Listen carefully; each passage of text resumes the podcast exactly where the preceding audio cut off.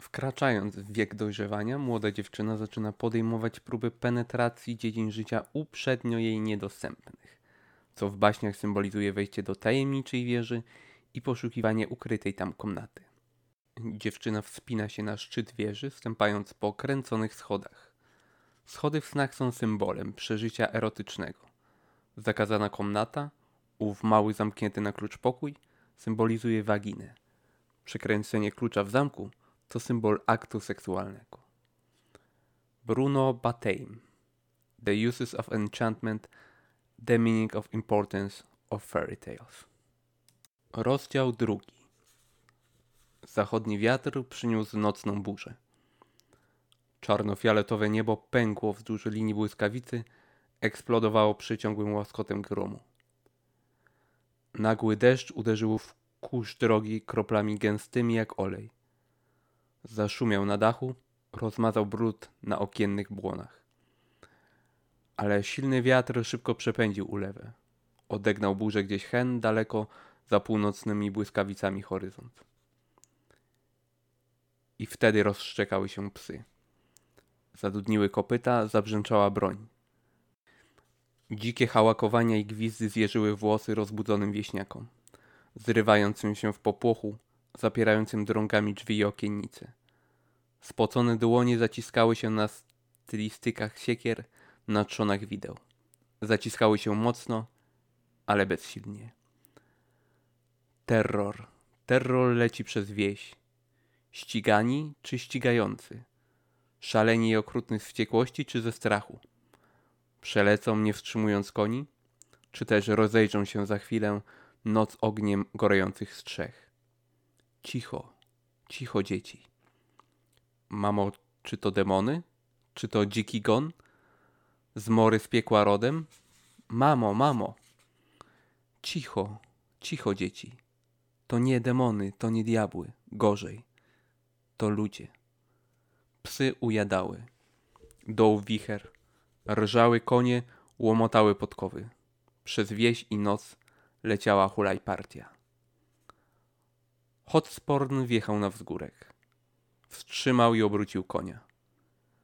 Był przezorny i ostrożny, nie lubił ryzyka. Zwłaszcza wtedy, gdy czujność nic nie kosztowała. Nie spieszył się ze zjazdem w dół nad rzeczkę do stacji pocztowej. Wolał pierwej dobrze się przypatrzyć.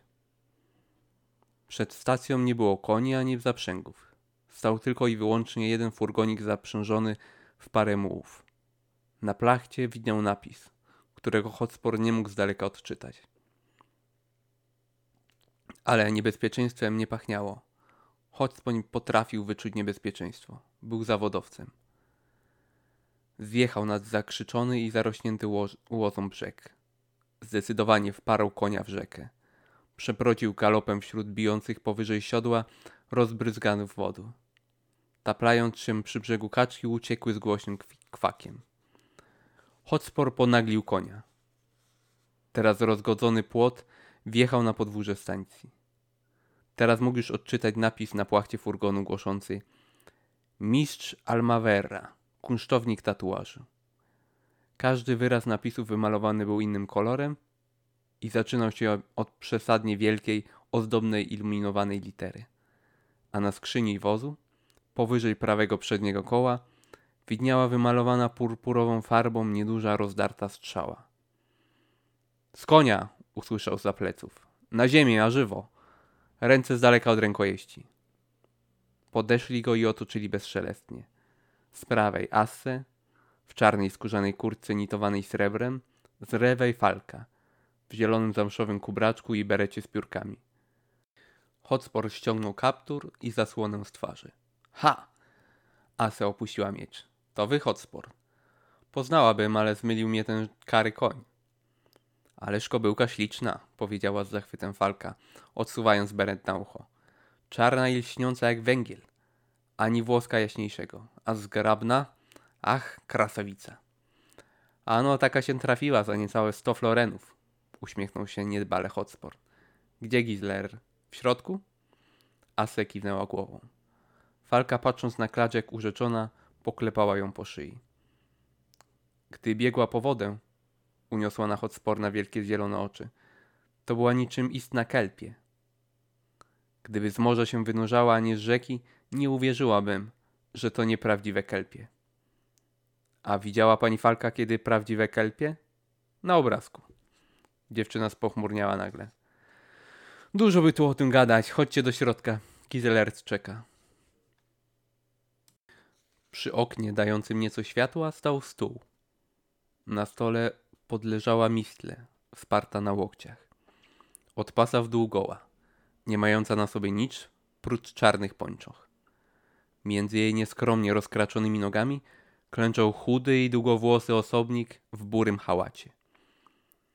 Nie mógł być to nikt inny jak mistrz Almaware, kunsztownik tatuażu, albowiem właśnie zajęty był wykuwaniem na łudzie mistle kolorowego obrazka.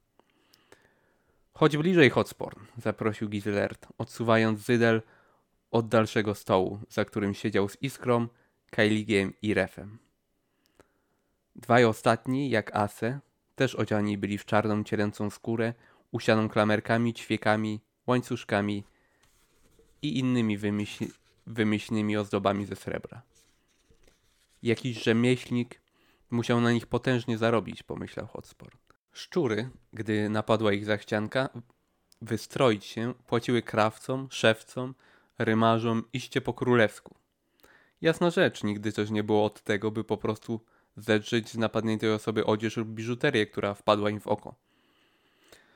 Znalazłeś, jak widzę, naszą wiadomość w ruinach starej stacji. Przeciągnął się Gizelert. Ha, a co tam? Inaczej przecież nie byłoby cię tu. Szybko nawet zjechałeś, przyznać muszę. Bo klacz śliczna, wtrąciła Falka. Założę się, że i rącza. Jak waszą wiadomość znalazłem, Hotspur nie spuszczał oka z Gizelerta. A co z moją? Dotarła do ciebie? Dotarła, zająknął się hersz szczurów. Ale no krótko mówiąc, y, nie było wtedy czasu. A potem żeśmy się popili i mógł było się trochę wywczasować. A później inna nam droga wypadła. Cholerni gówniarze, pomyślał Hotspur. Krótko mówiąc, nie wykonałeś polecenia. Ano nie. Wybacz, Hotsporn, nie było jak, ale następnym razem niezawodnie. Niezawodnie, potwierdził z emfazą Kailik, choć nikt nie prosił go, by potwierdzał. Cholerni nieodpowiedzialni gówniarze. Popili się, a później inną droga im wypadła. Do krawców po frymuśnej ciuszki, ani chybi. Napijesz się? Dziękuję. Nie. A może tego skosztujesz? Gizelert wskazał stosujący wśród gąsiorków i kubków ozdobne puzdełeczko z laki. Hotsporn już wiedział, czemu w oczach szczurów jarzył się tak dziwny blask. Czemu ich ruchy były tak nerwowe i szybkie. Pierwszorzędny proch, zapewnił Gizelert. Nie weźmiesz szczypty? Dziękuję, nie. Hotsporn wymownie spojrzał na plamę krwi i niknące w komorze ślad na trocinach, wyraźnie wskazujący, którędy i dokąd powleczono trupa. Gizelert zauważył spojrzenie. Jeden pachoł z uchu tu chciał odgrywać, aż go iskra skarcić musiała. Iskra zaśmiała się gardłowo. Od razu było widać, że jest mocno podniecona narkotykiem. Tak go skarciłam, że aż się krwią zachłysnął, pochwaliła się. A wtedy inny z miejsc spokornieli. To się nazywa terror. Była jak zwykle obwieszona klejnotami, diamentowymi kolczykami miała nawet w skrzydłach nosa. Nie nosiła skóry, lecz wiśniowy kaftanik z brokatowym wzorkiem, już na tyle słynny, by być ostatnim krzykiem mody wśród złotej młodzieży z Turn, podobnie jak jedwabna chustka, którą owijał głowę Gizelert. Hotsporn słyszał już nawet o dziewczynach, które strzygły się na mistle. To się nazywa terror, powtórzył w zamyśleniu, wciąż patrząc na krwawy zaciek na podłodze. A gospodarz stacji? Jego żona? Syn? Nie, nie, skrzywił się Gizelert. Sądzisz, żeśmy wszystkich zarąbali? Gdzie tam? W piżarni ich chwilowo zawarliśmy. Teraz stacja, jak widzisz, nasza. Kajlik głośno przepukał ustawinem. Wypluł na podłogę. Maleńką łyżeczką nabrał ze szpatułki odrobinę fistechu. Pieczałowicie nasypując na pośliniony opuszkiem palec wskazującego i wtarł sobie narkotyk w dziąsło. Podał puzdereczko falce, która powtórzyła rytuał i przekazała fistech Riffowi. Nilfgarczyk odmówił, zajęty przeglądaniem katalogu kolorowych tatuaży. Oddał pudełko iskrze. Elfka przekazała je Gizelertowi, nie zażywając. Terror warknęła, mrużąc błyszczące oczy i pociągając nosem. Stację mamy pod terrorem. Cesarz Emchyr trzyma tak cały świat. My jeno tę budę. Ale zasada ta sama. Ach, psia krew, wrzasnęła ze stołu Mistle. Uważaj w co żgasz. Zrób mi tak jeszcze raz, to ja ciebie dżdżknę. Tak, że na wylot przejdzie. Szczury oprócz Falki i Gizelerta ryknęły śmiechem. Chce się być piękną, trzeba cierpieć, zawołała Iskra. Kujo mistrzu kuj, dodał Kejlik. Ona między nogami zahartowana. Falka zaklnęła paskudnie i rzuciła w niego kubkiem. Kajlik uchylił się, szczury znowu zaryczały śmiechem. Tak wtedy Hotsporn zdecydował się położyć kres wesołości. Stację trzymacie pod terrorem. A po co? Pomijając satysfakcję, jaka z terroryzowania wypływa. My tutaj, odrzekł Gizelert, wcierając sobie fistek w dziąsło, na czatach leżymy. Gdy kto tu zastanie, by koniec zmienić albo wypocząć, to się go obedrze. Tu wygodniej, niżeli gdzie na rozstaju albo w chaszczach przy gościńcu. A toli jak to Iskra dopiero co powiedziała, zasada ta sama.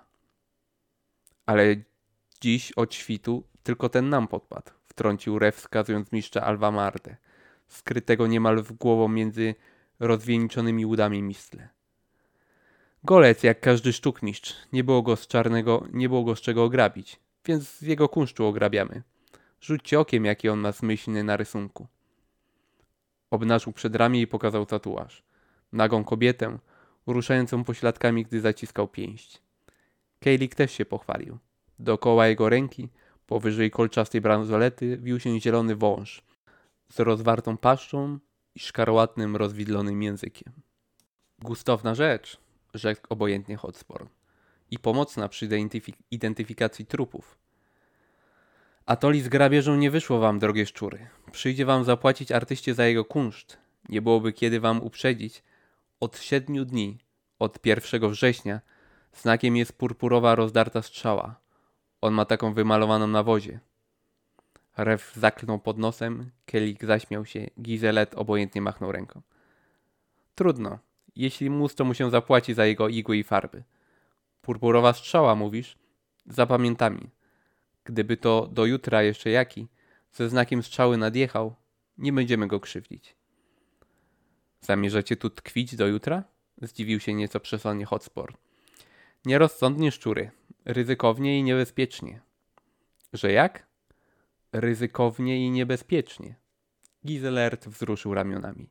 Iskra parsknęła i wysmarkała się na podłogę. Ref, Kejlik i Falka patrzyli na kupca tak, jakby właśnie oznajmił im, że słońce wpadło do rzeczki i trzeba je szybko wyłowić, zanim je raki oszczypią. Hotspur zrozumiał, że właśnie odwołał się do rozsądku szalonych smarkaczy.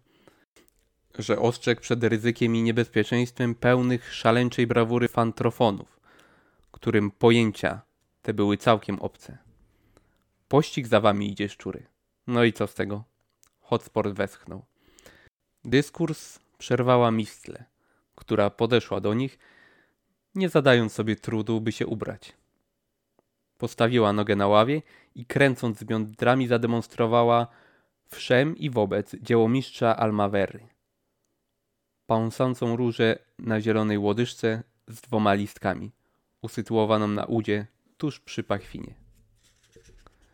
Ha? spytała, biorąc się pod boki. Jej sięgające niemal łokcie bransolety błysnęły brylantowo. Co powiecie? Śliczności, parsnął Kejlik, odgarniając włosy.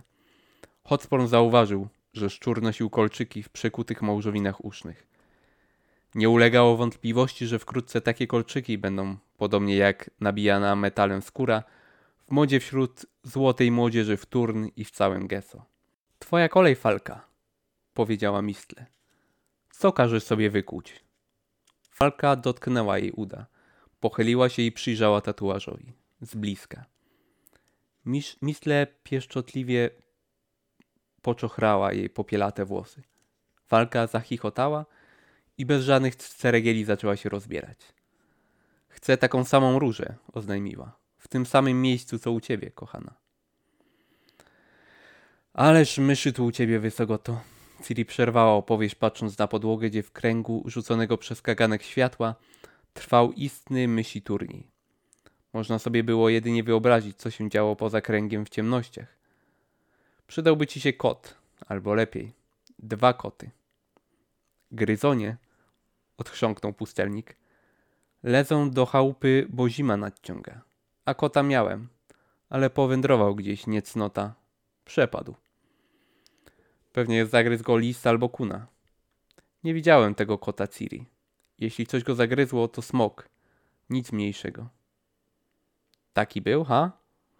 Szkoda, bo on tym myszom nie pozwoliłby łazić ci po łóżku. Szkoda.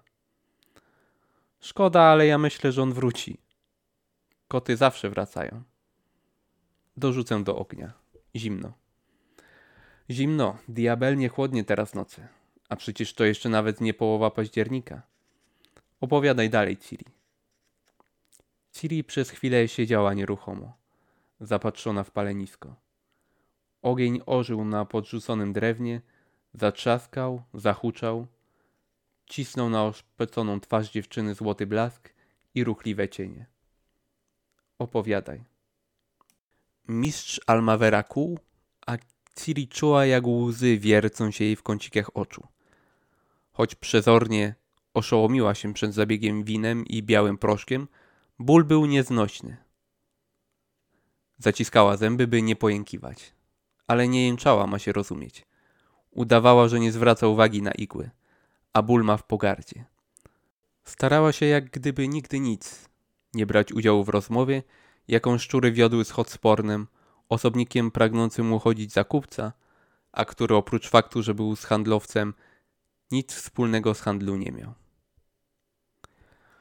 Czarne chmury ściągnęły nad wasze głowy, mówił Hotsporn, wodząc po twarzach szczurów ciemnymi oczami.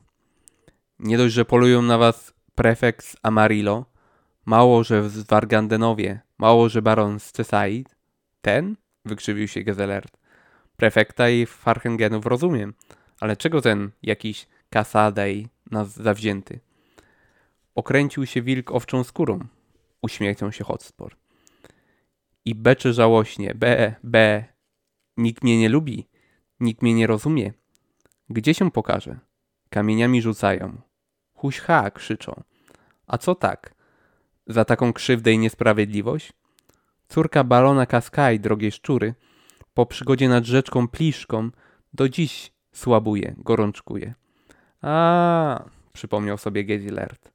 Kareta z czwórką tarantów. Ta to panna? Ta. Teraz jakem mówił, choruje w nocy z krzykiem się zrywa. Pana Kejliga wspomina, ale osobliwie panną Falkę. I broszkę, pamiątkę po mamusi nieboszczce, którą to broszkę panna Falka przemocą z jej suki zdzierała. Słowa różne przy tym powtarzając. To wcale nie o to idzie, wrzasnął ze stołu Ciri, mając okazję wrzaskiem odreagować ból. Okazaliśmy baronównie kontempt i despekt, pozwalając, by na sucho uszła. Trzeba było wychędożyć pannicę.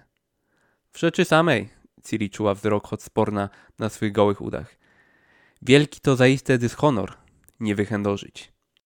Nie dziwota, że obrażony Kasadej skrzyknął zbrojną hassę, wyznaczył nagrodę. Zaklinał się publicznie, że wszyscy zawiśniecie głowami w dół z krokosztytów na murach jego zamku. Zapowiedział też, że za ową zdarcą stukni broszkę z panny Falki zedrze skórę. Pasami. Ciri zaklnęła, a szczury załystrzały dzikim śmiechem. Iskra kichnęła i okropnie się usmarkała. Fistek drażnił jej śluzówkę. My te pościgi lekce sobie ważymy, oznajmiła wycierając szalikiem nos, usta, podbródek i stół. Prefekt, baron, warhageny ścigają, ale nie dościgną. My jesteśmy szczury. Za Werdą zrobiliśmy trzy zagzaki i teraz ci durnie w piątkę gonią wstecz zimnego tropa. Nim się połapią, będą za daleko, aby zawracać. A niechby i zawrócili, rzekł zapalczywie Asse, który jakiś czas temu przyszedł z warty, z której nikt go nie zastąpił i nie zamierzał zastąpić. Po szczerbie ich i tyle.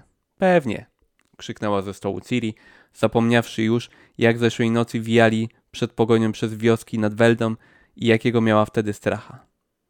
Dobra, Gizelert walnął otwartą dłonią w stół, raptownie kładąc kres hałaśliwej gadaninie. Gadaj, Hotsport, bo przecież widzę, że chcesz nam o czymś powiedzieć, o czymś ważniejszym od prefekta Warnhagenów, barona Cassadei i jego wrażliwej córeczki. Bonhart idzie waszym tropem. Zapadła cisza, niezwykle długa. Nawet mistrz Almavera przestał na chwilę kuć. Bonhart, powtórzył przeciągle Gislert. Stary, siwy szubrawiec. Musieliśmy kogoś fest dokuczyć. Komuś bogatemu, stwierdziła Mistle. Nie każdego stać na Bonharta.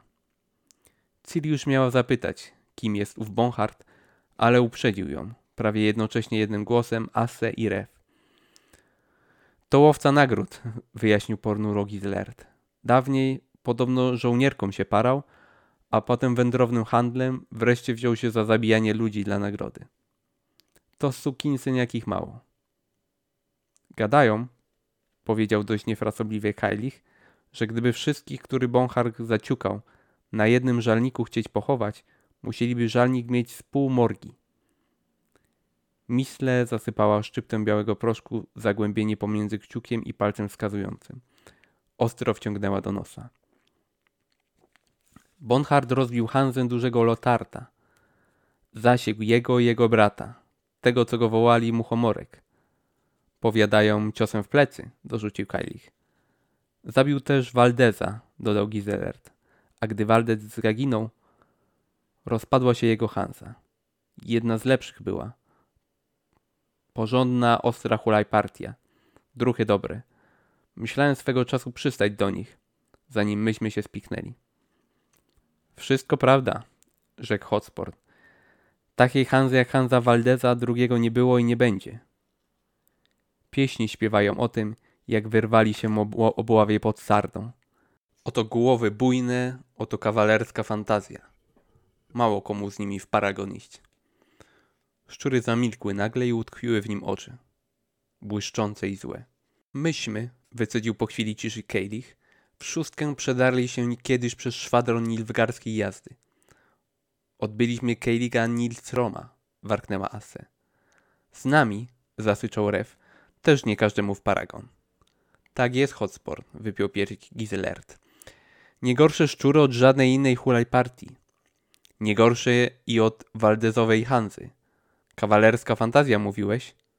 To ja ci coś o panieńskiej fantazji opowiem.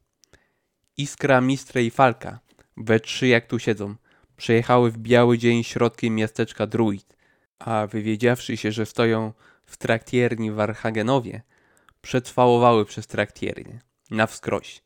Wjechały od frontu, wyjechały do podwórza. A w Archagenowie zostali z otwartymi gębami na podbitym kuflami i zrodlanym piwskiem. Powiesz może, że to mała fantazja? Nie powiem, uprzedziła odpowiedź Mistle, uśmiechając się złośliwie. Nie powie, bo wie, kto zazna szczury. Jego gildia też to wie. Mistrz Almavera skończył tatuować. Ciri podziękowała z dumną miną, ubrała się i dosiadła do kompanii. Prychnęła, czując na sobie dziwny, taktujący i jakby kpiący wzrok Hotsporna. Łypiąc na niego złym okiem, manifestując, przytulając się do ramienia Mistle. Zdążyła już wypraktykować, że takie manifestacje peszą i skutecznie chłodzą zapały panów, którym w głowie były amory. W przypadku Hotsporna działa nieco na wyrost, bo niby kupiec nie był w tym względzie natrętny. Hotsporn był dla Ciri zagadką. Widziała go przedtem tylko jedynie raz. Resztę opowiedziała jej Mistle. Hotsporn i Giselert, wyjaśniła, zdają się i kumają od dawna. Mają umówione sygnały, hasła i miejsce spotkań. Podczas tych spotkań Hotsporn daje informacje i wtedy jedzie na wskazany trakt i napada na wskazanego kupca, konwój lub karawanę. Niekiedy zabija się za wskazaną osobę. Zawsze umawiany też jest znak. Na kupców z takim znakiem na wozach napadać nie wolno. Ciri początkowo była zdumiona i lekko rozczarowana. Patrzyła na Gizelerta jak w tęczę, miała szczury za wzór swobody i niezależności. Sama pokochała tę swobodę, tę pogardę dla wszystkiego i wszystkich. A tu niespodzianie przyszło wykonywać robotę na zamówienie. Ktoś rozkazywał im kogoś bić. Mało tego. Ktoś kogoś zakazywał bić, a oni słuchali, spłuciwszy uszy. Coś za coś wzruszyła ramionami indagowana Mistle. Hotsport wydaje nam rozkazy, ale i daje informacje, dzięki którym przeżywamy. Swoboda i pogarda mają swoje granice. W końcu zawsze jest tak, że jest się czyimś narzędziem. Takie jest życie, Sokoliczko. Ciri była zdziwiona i rozczarowana, ale przeszło jej szybko. Uczyła się, także tego, by nie dziwić się za dużo i za dużo nie oczekiwać, bo wtedy rozczarowanie była mniej dotkliwe. Ja, drogie szczury, mówił tymczasem Hotspur, miałbym remedium na wszystkie wasze kłopoty. Na nistrów, baronów, prefektów, Dabonharta nawet. Tak, tak, bo choć zaciska się na waszych szyjach arkan, ja miałbym sposób na to, by się z pętli wyślizgnąć. Iskra parsknęła. Rew zarechotał, a Gizelert uciszył ich gestem, pozwolił Hotsportowi kontynuować. Wieść głosi, powiedział po chwili kupiec, że lada dzień ogłoszona będzie amnestia. Jeśli nawet za kimś ciąży kondomenta, ba, jeśli nawet na kimś stryczek wisi, będzie miał darowane. Jeśli tylko się ujawni i wyzna. Was też to dotyczy. Pieprzenie, krzyknął Kejlich, zauzawiony nieco, bo właśnie wciągnął był do nosa szczyptę fistechu. Nilfgarska sztuczka, fortel. Nie nas, starych wróbli, na takie plewy chcieć brać. Powoli, powstrzymał go Gizelert. Nie gorączkuj się, Kejlik. Hotsporn, jak go znamy, niezwyk klimakiem rzucać ni z gęby chole wyczynić. Zwyk wiedzieć, co i dlaczego gada.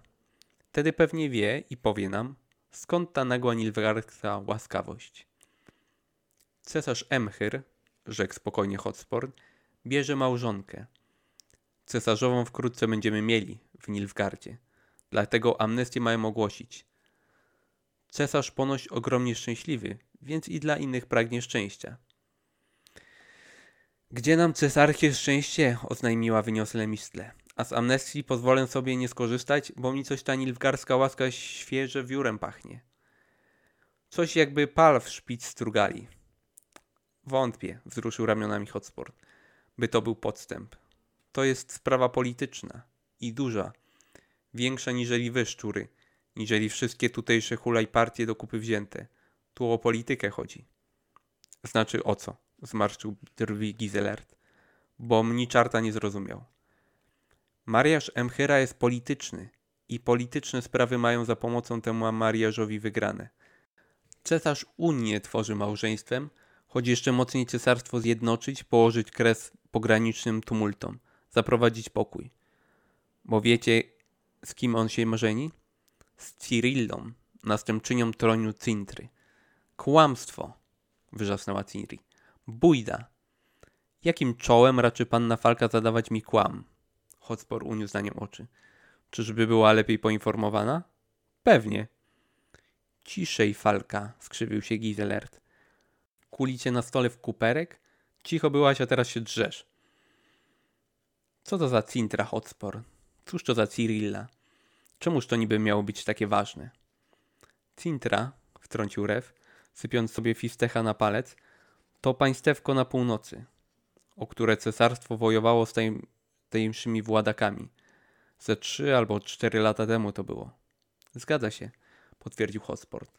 Cesarscy podbili Cintrę i nawet przeszli rzekę Jarę, a później musieli się wycofać.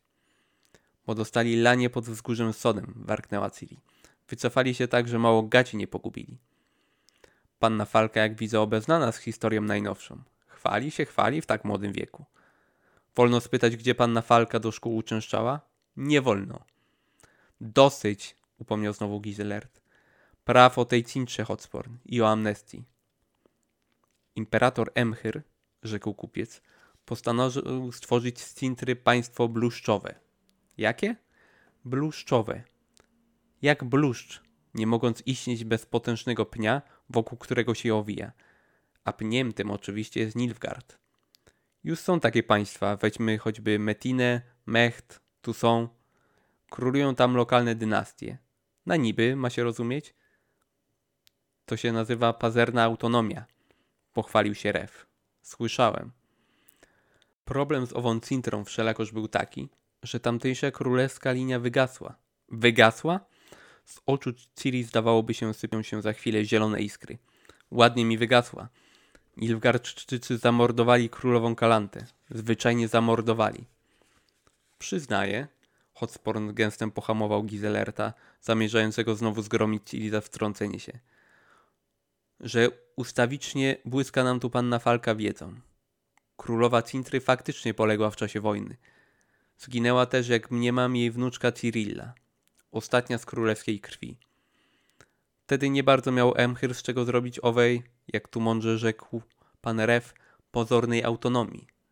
Ale tu nagle nic z tego, nic owego, owa Cyrilla odnalazła się. Bajeczki są to jakieś, parsknęła iskra, opierając się o ramię Gizelerta. Rzeczywiście, kiwnął głową Hotsporn, trochę to jak w bajce, trzeba przyznać. Mówią, że ową Cyrillę zła czarownica więziła gdzieś na dalekiej północy w magicznej wieży. Ale udało się jej, Cyrilli, nie wierzy, zbiec i poprosić o azyl w cesarstwie. To jedna wielka, cholerna, nieprawdziwa bójda i bzdura. Rozdarła się Ciri, roztrzęsionymi rękami sięgając po puzdereczko z fistechem. Zaś imperator Emhyr, jak głosi fama, ciągnął niespeszony hotsport, gdy tylko ją ujrzał, zakochał się w niej bez pamięci i chce ją pojąć za żonę. Sokoliczka ma rację, powiedziała twardo Mistle, akcentując wypowiedź walnięciem pięścią w stół. To jest cholerna bzdura. Za cholerną cholerę pojąć nie mogę o co tu chodzi. Jedno jest pewne. Opierać na tej bzdurze nadziei na nilfgarską łaskę byłoby jeszcze większą bzdurą. Tak jest, poparł ją Ref. Nic znam po cesarskim orzenku. Choć nie wiem z kim się cesarz żeni, na nas zawsze będzie inna narzeczona czekała.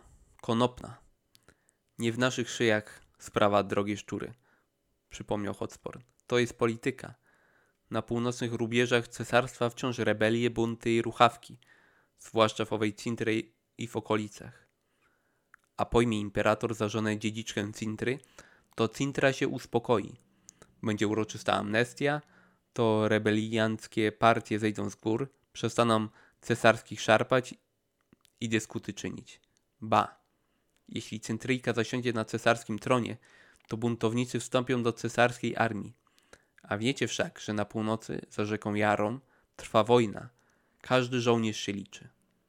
Aha, wykrzywił się Kejlich. Teraz pojąłem. Taka to amnestia.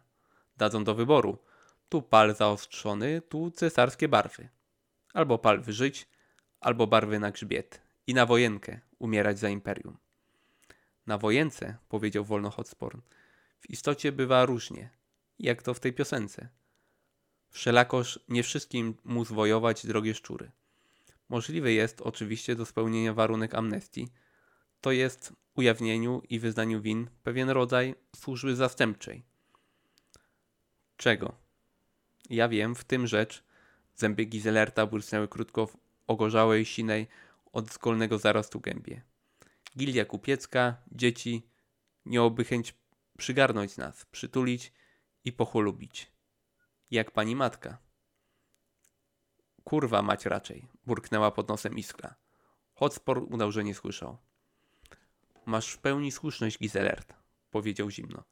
Gildia może, jeśli zechce, zatrudnić was. Oficjalnie dla odmiany. I przycholubić, dać ochronę. Też oficjalnie i też dla odmiany. Kylie chciał coś powiedzieć. Miśle chciała coś powiedzieć, ale szybkie spojrzenie Gizelerta odebrało obu mowę. Przekaż gildii, Hotsporn, powiedział lodowato hersz szczurów, że za ofertę jesteśmy wdzięczni. Podumamy, zastanowimy się, pogadamy. Uradzimy, co uczynić. Hotsporn wstał. Jadę. Teraz? Na noc? Przenosuję we wsi. Tu mi jakoś nieporęcznie. A jutko prościutko do granicy z Metiną. Potem głównym gościńcem do Forgen, gdzie zabawię w Ekwinoncjum. A kto wie, czy nie dłużej. Będę tam bowiem no, oczekiwał na takich, co już się zastanowili, gotowi ujawnić się pod moją opieką, czekać amnestii. I wy też nie mi trężcie, radzę dobrze z zastanowieniem się i dumaniem, bo gotów Bonhart amnestię wyprzedzić. Ciągle nas straszysz tym Bonhartem, rzekł wolno Gizelert, wstając również. Myślałby kto, że Łotr już za węglem, a on pewnie za górami, za lasami. W zazdrości, dokończył spokojnie Hotspur. W zajeździe pod głową Chimery, jakieś 30 mil stąd. Gdyby nie wasze zygzaki nad Weldą, pewnie wpakowalibyście się na niego wczoraj. Ale was to nie frasuje, wiem. Bywaj Gizelert, bywajcie szczury. Mistrzu Almaware, jadę do Metiny, a zawsze chętnie jestem kompanii w drodze. Co mówiłeś, mistrzu, że chętnie? Tak myślałem. Pakuj więc twój kram. Zapłaćcie mistrzowi szczury za jego artystyczny trud. Stacja pocztowa pachniała smażoną cebulką i zalewajką, gotowaną przez żonę gospodarza stacji. Czasowo wypuszczoną ze spiżarni aresztu. Świeca na stole prysknęła, tętniła, zamiatała wąsem płomienia.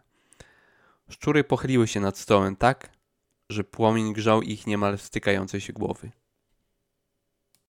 Jest w zazdrości, mówił cicho Gizelert. W zajeździe pod głową Chimery. Raptem dzień drogi stąd. Co o tym myślicie? To co i ty, warknął Geilich. Jedźmy tam i zabijmy skurwysyna.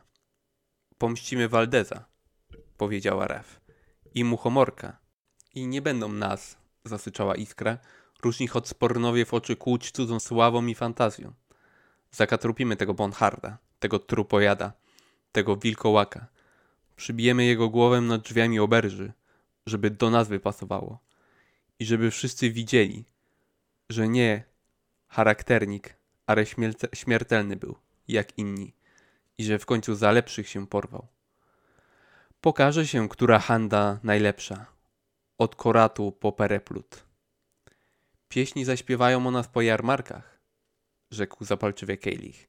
Ba, i po zamkach. Jedźmy, Asne palnęła w dłonią blatu. Jedźmy i zabijmy drania. A później, zastanowił się Gizelert, pomyślimy o owej amnestii, o gildii. Czego gębę wykrzywia Kejlich, jakbyś pluskwę rozgryzł. Po piętach nam depczą, a zima idzie. Myślę tak. Szczurki. Przyzimujemy, grzejąc dupy przy kominie. Amnestią od chłodu nakryci. Amnestyjne grzane piwo pociągając. A wytrwamy w tej amnestii przyzwoicie i grzecznie. Tak jakoś do wiosny. A wiosną, gdy trawka spod śniegu wyjrzy, szczury zaśmiały się chórem. Cicho, złowieszczo. Oczy gorzały im jak prawdziwym szczurom, gdy nocą w ciemnym zaułku podchodzą do rannego, niezdolnego się bronić człowieka. Wypijmy, rzekł Gizelert. Bonhartowi na pochybel. Zjedzmy tej zupy, a potem spać, wypoczywać, bo do dnia ruszamy. Jasne, parsknęła Iskra. Bierzcie przykład z Misle i Falki. Te już od godziny w łóżku. Żona gospodarzy stacji pocztowej zadygotała przy saganie, znowu słysząc od stołu cichy, zły, paskudny chichot. Ciri uniosła głowę. Przed dłuższą chwilę milczała, zapatrzona w ledwo pełgający płomyk kaganka, w którym wypalała się już reszteczka tranu. Wymknęłam się wtedy ze stacji jak złodziejka, podjęła opowieść, nad ranem w zupełnych ciemnościach. Ale nie zdołałam uciec niepostrzeżenie. Mistle musiała przebudzić się, gdy wstawałam z łóżka. Przydybała mnie w stajni, gdy siadłałam konia, ale nie okazała zdziwienia i wcale nie próbowała mnie zatrzymać. Zaczynało już świtać. Teraz to niezbyt daleko do świtu, ziewnął Wysokota. Czas spać, Ciri. Jutro wznowić opowieść. Może i ma słuszność. Ziewnęła również, wstając, przeciągnęła się mocno. Bo i mnie już powieki ściążą. Ale w tym tempie pustelniku to ja nigdy nie skończę. Ileż to już wieczorów mamy za sobą? Co najmniej dziewięć. Obawiam się, że cała opowieść może zająć tysiąc i jedną noc. Mamy czas, Ciri. Mamy czas. Przed kim chcesz uciec, sokoliczko? Przede mną czy przed sobą? Skończyłam z uciekaniem. Teraz chcę dogonić. Dlatego muszę wrócić. Tam, gdzie wszystko się zaczęło. Muszę. Zrozum to, mistle. To dlatego, dlatego byłaś dziś miła dla mnie? Po raz pierwszy od tylu dni? Ostatni pożegnalny raz, a potem zapomnieć? Ja cię nigdy nie zapomnę, mistle. Zapomnisz. Nigdy. Przyrzekam ci. A to nie był ostatni raz. Odnajdę cię. Przyjadę po ciebie. Przyjadę poszustną złotą karetą z orszakiem dworzan. Zobaczysz. Ja niedługo będę miała możliwości. Duże możliwości. Sprawię, że odmieni się twój los. Zobaczysz. Przekonasz się, jak wiele będę mogła uczynić. Jak wiele zmienić. Wielkiej do tego trzeba by mocy. I potężnej magii. I to też jest możliwe. Ciri oblizała wargi. Magia też. Mogę odzyskać. Wszystko, co niegdyś straciłam, może wrócić. I znowu było moje. Obiecuję ci. Zdziwisz się, gdy się spotkamy znowu. Mistle odwróciła ostrzyżoną głowę. Wpatrzyła się w błękitno-różowe smugi, które brzask wymalował już nad wschodnim krańcem świata. W samej rzeczy, powiedziała cicho. Bardzo będę zdziwiona, jeśli się jeszcze kiedyś spotkamy. Jeśli jeszcze kiedyś cię zobaczę, malutka. Jedź już. Nie przeciągajmy tego. Czekaj na mnie. Ciri pociągnęła nosem. I nie daj się zabić. Pomyśl o tej amnestii, o której mówił Hotspur. Nawet gdyby Gizelert inni nie chcieli. Ty jednak pomyśl o tym, Mistle. To może być sposób na przetrwanie. Bo ja wrócę po ciebie, przyrzekam. Pocałuj mnie. Świtało. Rosła jasność. Pątegowało się zimno. Kocham cię, jemiołuszko. Kocham cię, sokoliczko. Jedź już. Oczywiście, że nie wierzyła mi. Była przekonana, że stchórzyłam, że pognałam za spornym, by szukać ratunku, błagać o tę amnestię, która tak nas nęci.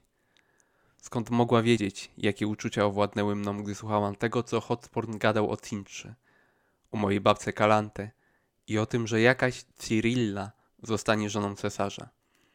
Tym samego cesarza, którego babkę Kalante zamordował.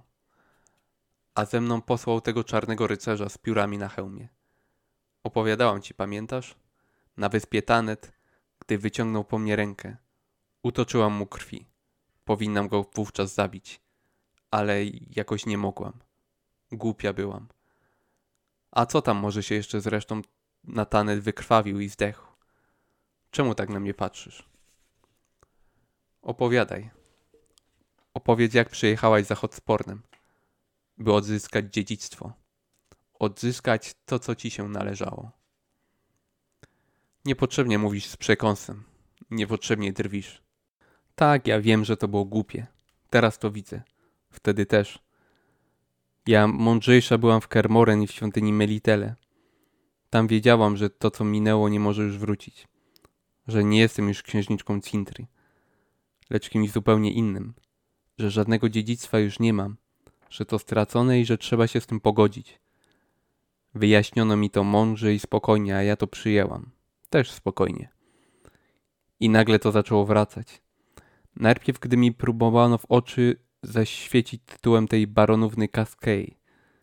Nigdy nie przyjmowałam się takimi sprawami, a wtedy nagle wściekłam się. Nosa zadarłam i nawrzeszczałam, że jestem jeszcze bardziej utytułowana iż dużo lepiej urodzona.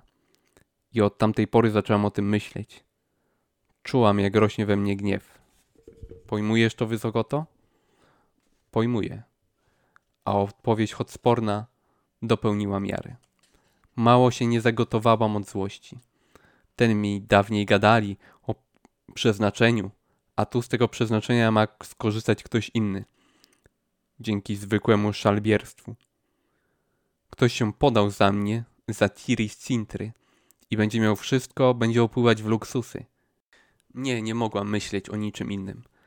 Nagle uświadomiłam sobie, że nie dojadam że marznę, sypiam pod gołym niebem, że myć intymne miejsca muszę w lodowatym strumieniu. Ja. Ja powinna mieć wannę ze złotej blachy, wodę pachnącą spindararem i różami, ogrzewane ręczniczki, czystą pościel. Rozumiesz wysoko to? Rozumiem. Nagle byłam gotowa pojechać do najbliższej prefektury, do najbliższego fortu, do tych czarnych Nilfgaardczyków, których tak się bałam i których tak nienawidziłam. Byłam gotowa powiedzieć, to ja jestem Ciry, wy nilfgaardzkie matoły. To mnie powinien wziąć za żonę wasz głupi cesarz. Podetkali waszemu cesarzowi jakąś bezczelną oszustkę, a ten idiota nie poznał się na szachrajstwie. Byłam tak zawzięta, że zrobiłabym to, gdyby była okazja. Bez zastanowienia. Rozumiesz wysoko to? Rozumiem. Na szczęście ochłonęłam. Na wielkie twoje szczęście. Poważnie kiwnął głową. Sprawa tego cesarskiego orzenku nosi wszelkie znamiona afery stanu. Walk stronnic albo frakcji. Gdyby się ujawniła, psując szyki jakiemuś wpływowym siłom, nie uniknęłabyś sztyletu albo trucizny. Też to pojąłam i zapamiętałam. Dobrze zapamiętałam. Wyznać kim jestem oznaczało śmierć. Miałam sposobność przekonać się o tym, ale nie uprzedzajmy faktów. Milczeli jakiś czas, pracując przy skórach. Przed kilkoma dniami połów udał się niespodziewanie dobrze. W pułapki i wnyki wpadło wiele piżmaków i nutri, dwie wydry i jeden bóbr. Mieli więc mnóstwo roboty. Dogoniłaś Hotsporna? spytał wreszcie Wysogota. Dogoniłam. Ciri otarła czoło rękawem. Nawet szybko, bo on nie spieszył się w drodze. I wcale się nie zdziwił, gdy mnie zobaczył. Panna Falka! Hotsporn sięgnął wodze, tanecznie obrócił karą klacz. Cóż za przyjemna niespodzianka. Chociaż przyznam, że wcale nie taka wielka. Spodziewałem się, nie kryję, że się spodziewałem. Wiedziałem, że panna dokonasz wyboru. Mądrego wyboru. Dostrzegłem błysk inteligencji w panny przepięknych i pełnych uroku oczach. Ciri podjechała bliżej, także niemal zetknęli się strzymionami. Potem odcharknęła przeciągle, pochyliła się i splunęła na piasek gościńca. Nauczyła się pluć w taki sposób, ohydny, ale skuteczny, że trzeba było studzić czyjś uwodzicielski zapał. Rozumiem, uśmiechnął się lekko Hotspur, że chcesz skorzystać z amnestii. Źle rozumiesz. Czemu mam zatem przypisać radość, jakąś sprawia mi widok urodziwej liczka panny? A mus, żeby było czemu? Prychnęła. Gadałeś na stacji, żeś chętny kompanii w drodze. Niezmiennie, uśmiechnął się szerzej. Ale jeśli mylę się w sprawie amnestii, to nie jest pewne, czy w kompanii będzie nam po drodze. Znajdujemy się, jak panna widzi, na rozstajach dróg. Rozdroże cztery strony świata. Konieczność wyboru, symbolika, jak w tej stanej legendzie. Na wschód pojedziesz, nie wrócisz. Na zachód pojedziesz, nie wrócisz. Na północ, hmm, na północ od tego słupa jest amnestia. Wypchać się każ twoją amnestią. Cóż tylko panna rozkaże. Dokąd zatem, jeśli wolno spytać, droga prowadzi? Którą z dróg symbolicznego rozdroża? Mistrz Almaverra, artysta igły, popędził swe muły na zachód, ku miasteczku Fanno. Wschodni gościniec prowadzi do osady zazdrości, ale ja bardzo bym tego kierunku odradzał. Rzeka Jarra, powiedziała wolno Ciri, o której mówiłeś na stacji. To nilfgaardzka nazwa rzeki Jarugi, prawda? Taka panna uczona, pochylił się, zajrzał jej w oczy. A nie wie tego? Nie możesz po ludzku odpowiadać, gdy po ludzku pytają? Żartowałem przecie. Po co zaraz się gniewać? Tak, to ta sama rzeka. Po elfiemu i po nilfgaardzku Jarra. Na północy Jaruga. A ujście tej rzeki to Cintra. Tak jest, Cintra. Stąd, gdzie teraz jesteśmy? Jak daleko do Cintry? Ile mil? Nie mało. Iż zależy o jakich milach liczyć. Każda bez mała nacja ma inne. Nie trudno o pomyłkę. Wygodniej metodą wszystkich wędrownych kupców liczyć takie dystanse w dniach. Żeby stąd dojechać do Cintry, trzeba jakieś 25-30 dni. Którędy? Prosto na północ? Bardzo coś panna Falka tej Cintry ciekawa. Czemu? Na tron tamtejżej chce wstąpić. Dobrze, dobrze. Hotspur uniósł dłoń obronnym gestem. Delikatną aluzję zrozumiałem. Nie będę już zadawał pytań. Najprostszą drogą do Cintry paradoksalnie nie wiedzie prosto na północ, bo przeszkadzają jej bezdroża i bagniste pojezierze. Najpierw trzeba by skierować się ku miastu Forgan, a później jechać na północny zachód do Metiny, stolicy identycznie nazywającego się kraju. Potem należałoby jechać przez równinę Magdeira, kupieckim szlakiem aż do miasta Neurut. Dopiero stamtąd skierować się trzeba na szlak północny, wionący doliną rzeki Jeleny. Stamtąd już łatwo trafić. Szlakiem bez przerwy ciągną oddziały i transporty wojskowe przez Nazair i schody Marnadalu, przełęcz wiążącą na północ do doliny Marnadal. A dolina Marnadal to już Cintra. Hmm. Ciri wpatrzyła się w zamglony horyzont, w rozmazaną liczbę czarnych wzgórz. Do Forgen, a później na północny zachód, to znaczy którędy. Wie pan na co? Hotspur uśmiechnął się lekko. Ja właśnie ku Forgen się kieruję, a potem do Metiny. O, tą dróżką, co między sosenkami piaskiem złoci. Niechaj pan najedzie ze mną. O nie pobłądzi. Amnestia amnestią, ale miło mi będzie z taką uroczą panną podróżować. Ciri zmierzyła go najzimniejszym wzrokiem, na jakim było ją stać. Hotsporn przygryzł wargę w szelmowskim uśmiechu. Jakże więc? Jedziemy.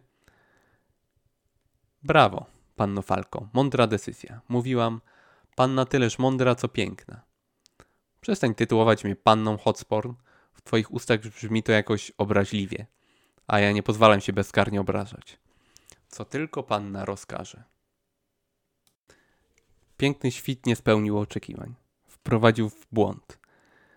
Dzień, który po nim nastąpił, był szary i mokry. Wilgotna mgła skutecznie przyćmiewała jaskrawość jesiennego listowia pochylanych nad drogą drzew, płonących tysiącami odcieni ochry, czerwieni i żółci. W wilgotnym powietrzu pachniało korą i grzybami. Jechali stępą po dywanie opadłych liści, a Hotspur często spędzał swoją karą klacz do lekkiego kłusa lub galopu. Ciri wówczas przyglądała się zachwytem. Czy ona ma jakieś imię? Nie, błysnął zębami Hotspur. Ja traktuję wierzchowce użytkowo. Zmieniam je bardzo często. Nie przywiązuję się. Nadawanie koniom imion, jeśli nie prowadzi się stadniny, uważam za pretensjonalne. Zgodzisz się ze mną? Koń wronek, pies burek, a kot mruczek. Pretensjonalne. Ciri nie spodobały się jego spojrzenia i wieloznaczne uśmiechy, a, a zwłaszcza lekko drwiący ton, jakim zagadywał i odpowiadał na pytania. Przyjęła zatem prostą taktykę. Milczała, mówiła półsłówkami, nie prowokowała. Jeśli się dało. Nie zawsze się dało. Zwłaszcza gdy gadał o tej swojej amnestii. Gdy zaś po raz kolejny i dość ostro wyraziła niechęć, Hotspur zaskakująco zmienił front. Zaczął nagle dowodzić, że w jej przypadku amnestia jest zbędna, wręcz jej nie dotyczy. Amnestia obejmuje przestępców, powiedział, nie zaś ofiary przestępstw. Ciri ryknęła śmiechem. Sam jesteś ofiarą, Hotspur. Mówiłem najzupełniej poważniej, zapewnił. Nie po to, by wzbudzać twą ptaszęcą wesołość, lecz by zasugerować ci sposób na ocalenie skóry w przypadku pojmania. Ma się rozumieć, że na barona Kesadei coś takiego nie podziała. Także od Warhagenów nie masz co oczekiwać klemencji. Ci w najkorzystniejszym dla ciebie razie zlinczują cię na miejscu, szybko i jak dobrze pójdzie, bezboleśnie. Gdybyś jednak wpadła w ręce prefekta i stanęła przed surowym, lecz sprawiedliwym obliczem cesarskiego prawa, ha, wówczas zasugerowałbym taką właśnie linię obrony. Zalejesz się łzami i oświadczysz, że jesteś niewinną ofiarą splotu okoliczności. A kto w to uwierzy? Każdy. Hotsporn pochylił się ku kulbace, zajrzał w jej oczy. Bo taka jest przecież prawda. Ty przecież jesteś niewinną ofiarą, Falko. Nie masz jeszcze 16 lat. Według prawa cesarstwa jesteś niepełnoletnia.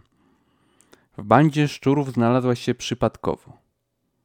Nie twoją jest winą, że wpadłaś w oko jednej z bandytek. Mistle, której nienaturalne upodobania nie są żadną tajemnicą? Zostałaś przez Mistle zdominowana, wykorzystana seksualnie i zmuszona do... No i wyjaśniło się, przerwała Ciri, sama dziwiąc się swojemu spokojowi. Nareszcie wyjaśniło się, o co ci chodzi, Hotsporn. Widywałam już takich jak ty. Doprawdy? Jak każdemu kogucikowi, nadal była spokojna, Grzybek ci się podnosi na myśl o mnie i mistle. Jak każdemu głupiemu samczykowi świta ci w głowie łbie pomysł, by spróbować wyleczyć mnie z przeciwnej naturze choroby, nawrócić zboczoną na drogę prawdy. A wiesz, co w tym wszystkim jest wstrętne i przedziwne naturze? Takie myśli właśnie. Hotspur przyglądał się w jej milczeniu i z dość zagadkowym uśmieszkiem na, wąs na wąskich warkach. Moje myśli, droga Falko, rzekł po chwili, może i nie są przyzwoite, może i nie są ładne, ba, w sposób oczywisty nie są niewinne, ale na bogów są one zgodne z naturą, z moją naturą. Czynisz mi despekt, mniemając, że mój pociąg ku tobie ma podłoże w jakiejś perwersyjnej ciekawości. Ha! Czynisz również sobie samej despekt, nie zauważając lub nie chcąc przyjąć do wiadomości faktu, że twój zniewalający urok i niecodzienna uroda są w stanie rzucić na kolana każdego mężczyznę. Że czar twego spojrzenia... Słuchaj, Hotspur, przerwała. Czy ty dążysz do tego, by się ze mną przespać? Cóż za inteligencja, rozłożył ręce. Po prostu brak mi słów. To ja ci pomogę. Lekko popędziła konia, by móc spojrzeć na niego przez ramię. Bo ja mam słów dostatek. Czuję się zaszczycona. W każdych innych warunkach, kto wie, gdyby to był kto inny. Lecz ty, Hotsporn, w ogóle mi się nie podobasz. Nic, ale po prostu nic mnie w tobie nie pociąga. A nawet powiedziałabym, odwrotnie jest. Wszystko mnie od ciebie odstręcza. Sam widzisz, że w takich warunkach akt płciowy byłby całkiem przeciwny naturze. Hotspur roześmiał się, też popędzając konia. Kara klaczy zatańczyła na dukcie, wdzięcznie unosząc kasztanową głowę. Cili zawierciła się w siodle, walcząc z dziwnym uczuciem, które nagle ożyło w niej, ożyło gdzieś głęboko, w dole brzucha, ale szybko i wytrwale rwało się na zewnątrz, na drażnioną ubraniem skórę. Powiedziała mu prawdę, pomyślała. Ale mi się nie podoba do diabła, to jego koń mi się podoba. Ta kara klacz. Nie on, lecz koń. Co za cholerna głupota. Nie, nie, nie. Nie biorąc nawet pod uwagę mistle, byłoby śmiesznym i głupim ulec mu tylko dlatego, że podnieca mnie widok tańczącego na trakcie karej klaczy. Hotsporn pozwolił jej podjechać, patrząc jej w oczy z dziwnym uśmieszkiem. Potem znowu szarpnął wodze, zmusił klacz do drobienia nogami, obrotów i tanecznego stąpania w bok. Wie, pomyślała Ciri. Stary łajdak wie, że ja to odczuwam. Psia krew, jestem zwyczajnie ciekawa. Sosnowe igiełki, rzekł łagodnie Hotspur, podjeżdżając bardzo blisko i wyciągając rękę. Wczepiły ci się we włosy. Wyjmę je, jeśli pozwolisz. Dodam, że gest wypływa z mej galanterii, nie z, nie z perwersyjnych rządzy. Dotyk, wcale to Ciri nie zdziwiło, sprawił jej przyjemność. Była jeszcze bardzo daleka od decyzji, ale dla pewności porachowała dni od ostatniego krwawienia. Tego nauczyła ją Yennefer. Liczyć z wyprzedzeniem i z chłodną głową, bo potem, gdy robi się gorąco, występuje dziwna niechęć do liczenia połączona z tendencją do lekceważenia wyniku. Hotsporn patrzył jej w oczy i uśmiechnął się. Zupełnie jak gdyby wiedział, że rachunek wypadł na jego korzyść. Gdyby jeszcze nie był taki stary, westchnęła. Ale on ma chyba ze trzydzieści lat. Turmaliny. Palec Hotsporna delikatnie dotknął jej ucha i kolczyka. Ładne, ale tylko turmaliny.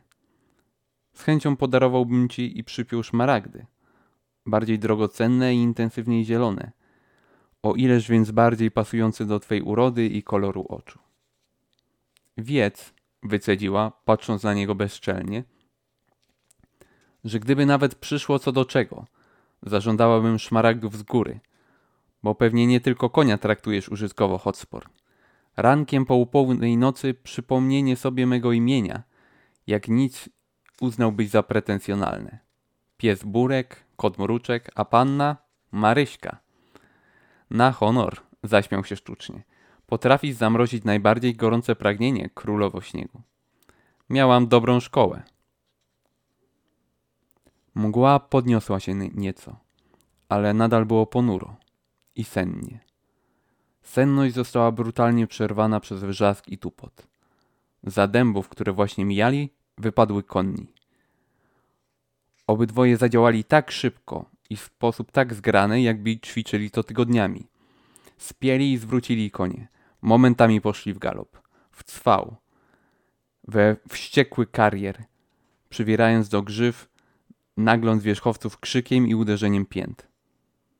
Nad ich głowami zafurczały lotki strzał. Wbił się krzyk, brzęk, tętent. W las! krzyknął Hotspur. Skręcaj w las, w gąszcz! Skręcili nie zwalniając. Cili płasko i jeszcze mocniej przywarła do końskiej szyi, bo chlaszczące w pędzie gałęzie groziły zwaleniem z siodła. Zobaczyła, jak bełt z kuszy obłupał szczapę z pniami Janej Olchy. Popędziła wrzaskiem konia, w każdej chwili oczekując uderzenia grotu w plecy.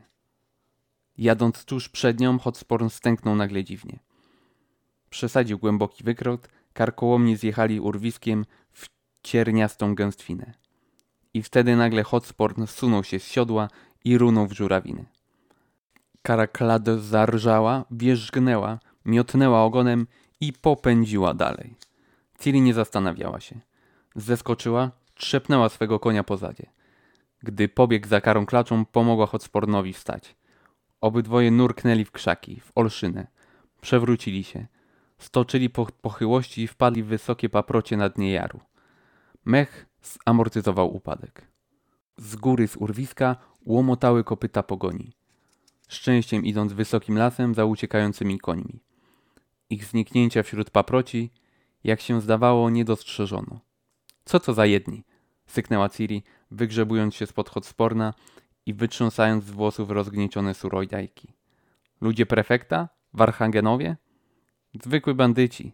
Hotsporn wypluliście. Grasanci. Zaproponuję amnestię.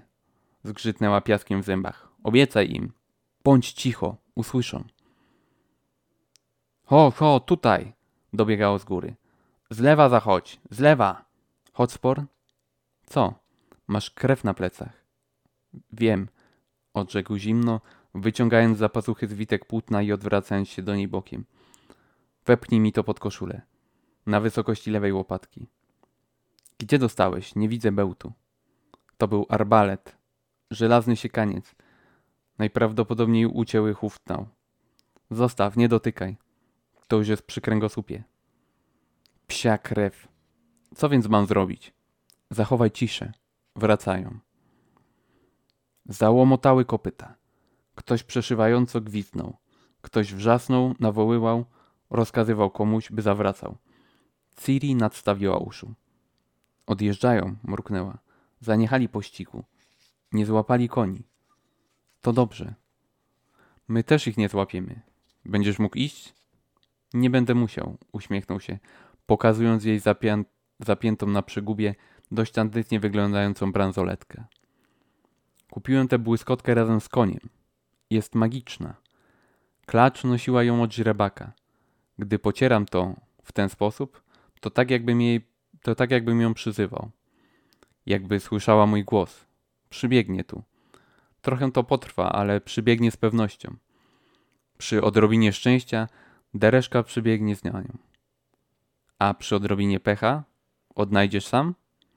Falko powiedział poważniej. Ja nie odjadę sam. Ja liczę na twoją pomoc. Nie trzeba będzie podtrzymać w siodle. Palce u nóg już mi martwieją. Mogę stracić przytomność. Posłuchaj. Ten wąwóz doprowadzi cię do Doliny Strumienia. Pojedziesz w górę, pod prąd na północ. Zawieziesz mnie do miejscowości o nazwie Tegamo. Tam znajdziemy kogoś, kto będzie umiał wyciągnąć mi żelastwo z pleców nie przyprawiając przy tym o śmierć lub paraliż. To jest najbliższa miejscowość? Nie, bliżej jest zazdrość. Kotliną jakieś 200 mil w stronę przeciwną z biegiem strumienia, ale tam nie jedź pod żadnym pozorem. Dlaczego? Pod żadnym pozorem, powtórzył, marsząc twarz. Nie chodzi tu o mnie, lecz o ciebie. Zazdrość to dla ciebie śmierć. Nie rozumiem. Nie musisz. Zaufaj mi po prostu. Gizelertowi powiedziałeś, zapomnij o Gizelercie. Jeśli chcesz żyć, zapomnij o nich wszystkich. Dlaczego? Zostań ze mną. Dotrzymam obietnicy, królowo śniegu. Przystroję cię w szmaragdy, obsypię cię nimi. Zaistny świetna pora do żartów. Zawsze jest pora do żartów. Hotsporn objął ją nagle, przycisnął ramieniem i zaczął rozpinać jej bluzkę. bezceremonialnie, acz bez pośpiechu. Ciri odepchnęła rękę. Zaiste warknęła. Świetna pora i na to. Na to też jest kara, każda pora jest dobra. Zwłaszcza dla mnie, teraz. Mówiłem ci, to kręgosłup. Jutro mogą pojawić się trudności. Co zrobisz? Ach, cholera. Tym razem odepchnęła go mocniej, za mocno. Hotsporn pobladł, zagryzł warki, zatęskł z bólu. Przepraszam, ale jeśli ktoś jest ranny, powinien leżeć spokojnie. Bliskość twego ciała sprawia, że zapominam o bólu. Przestań do cholery. Falko, bądź miła dla człowieka cierpiącego. Będziesz cierpiący, jak nie zabierzesz ręki. Zaraz. Ciszej. Grasanci gotowi nas usłyszeć. Twoja skóra jest jak atłas. Nie wierć się u licha. Ach, do diabła pomyślała. A niech tam. W końcu, jakie to ma znaczenie? Jestem ciekawa. Wolno mi być ciekawą. W tym nie ma żadnego uczucia. Potraktuję go użytkowo i tyle. I bezpretensjonalnie zapomnę. Poddała się dotykowi i przyjemności, jaką przyniósł.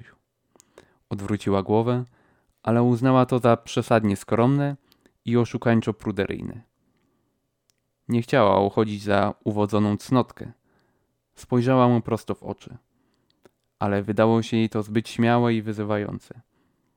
Takiej także nie chciała udawać. Przymknęła więc zwyczajnie powieki, objęła go za szyję i pomogła przy guzikach, bo szło mu niesporo i marnował czas. Do dotyku palców dołączył się dotyk warg. Była już bliska tego, by zapomnieć o całym świecie, gdy nagle Hotspur znieruchomiał w bezwładzie. Przez chwilę leżała cierpliwie, pamiętała, że jest ranny i że rana musi się dokuczyć. Ale to trwało trochę zbyt długo. Jego ślina stygła jej na sutkach. Hej, Hotsporn, śpisz? Coś pociekło jej na pierś i bok. Dotknęła palcami. Krew. Hotsporn, zepchnęła go z siebie. Hotsporn, umarłeś? Głupie pytanie pomyślała. Przecież widzę. Przecież widzi, że umarł. Umarł z głową na moich piersiach. Ciri odwróciła głowę. Żar z komina czerwono zagrał na jej okaleczonym policzku. Być może był tam też rumieniec. Wysogota nie był tego pewien. Jedyne co wtedy czułam, dodała nagle odwrócona, to rozczarowanie. Szokuje cię to? Nie, akurat to nie. Rozumiem. Starałam się nie ubarwiać opowieści, niczego nie poprawiać, niczego nie zatajać. Choć czasami mam ochotę, zwłaszcza na to ostatnie. Pociągnęła nosem, podubała knykciem w kąciku oka. Przywaliłam go gałęziami i kamieniami, byle jak, wyznaję. Ściemniało. Musiałam tam przenocować. Bandyci wciąż, wciąż kręcili się w okolicy. Słyszałam ich okrzyki i byłam już więcej niż pewna, że to nie byli zwyczajni bandyci. Nie wiedziałam tylko, na kogo polowali. Na mnie czy na niego. Musiałam jednak siedzieć cicho. Całą noc, do świtu, obok trupa.